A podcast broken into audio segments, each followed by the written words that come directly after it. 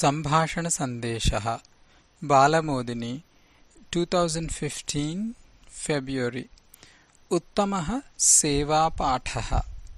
कश्चन ग्रामः? तत्र कश्चन लब्धसंस्कारः परिवारः वसति स्म।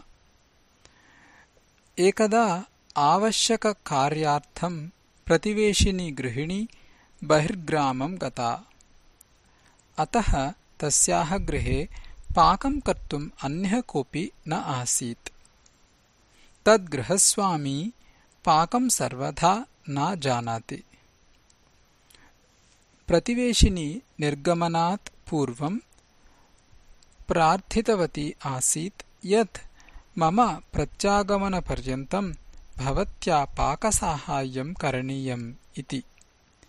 एतत् अङ्गीकृत्य संस्कारिणः परिवारस्य गृहिणी प्रतिवेशिगृहस्य पाकमपि करोति स्म।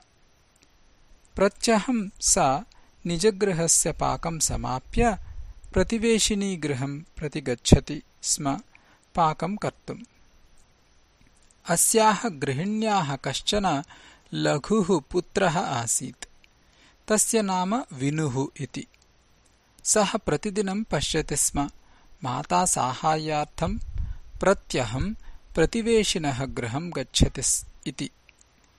एकदा सः मातरम् अपृच्छत्। अम्बा प्रतिदिनं भवती आदौ गृहे पाकम् करोति पश्चात् प्रतिवेशिगृहम् गति प्रतिगच्छति पाकम् कर्तुम् इदम् किम् उचितम्? यतः प्रथमम् परेषाम् कार्यम् कर्तव्यम् तदनु एव अस्मदीयम् कार्यम् करणीयम् खलु अल्पवयस्कस्य पुत्रस्य उत्तमम् सेवाचिन्तनवचनम् श्रुत्वा तस्य सत्संस्कारम् च अवलोक्य सा गृहिणी नितराम् प्रीता अभवत्। ततः सा प्रेम्णा पुत्रम् अवदत्। वत्स भवदीयम् कथनम् नूनम् युक्तिसम्मतम् अस्ति। परेषाम् कार्यम् प्रथममेव करणीयम् इत्यत्र नास्त्येव सन्देहः परम् सेवाकार्यसमये सूक्ष्मदृष्टिः अवलम्बनीया।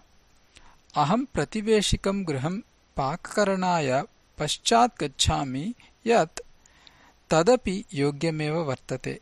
यतः प्रतिवेशिभिः रोटिकाः उष्णाः प्राप्येरन् इति मदीयो भावः। अस्मदीयम् तु भोजनम् शीतलम् भवेच्चेदपि न बाधा। प्रतिवेशिभिः तु रोटिकाः उष्णाः एव प्राप्येरन् इति मदीयचिन्तनम् इति। जनन्याः इमम् शोभनम् भावम् ज्ञात्वा सः बालः सन्तुष्टः अभवत्।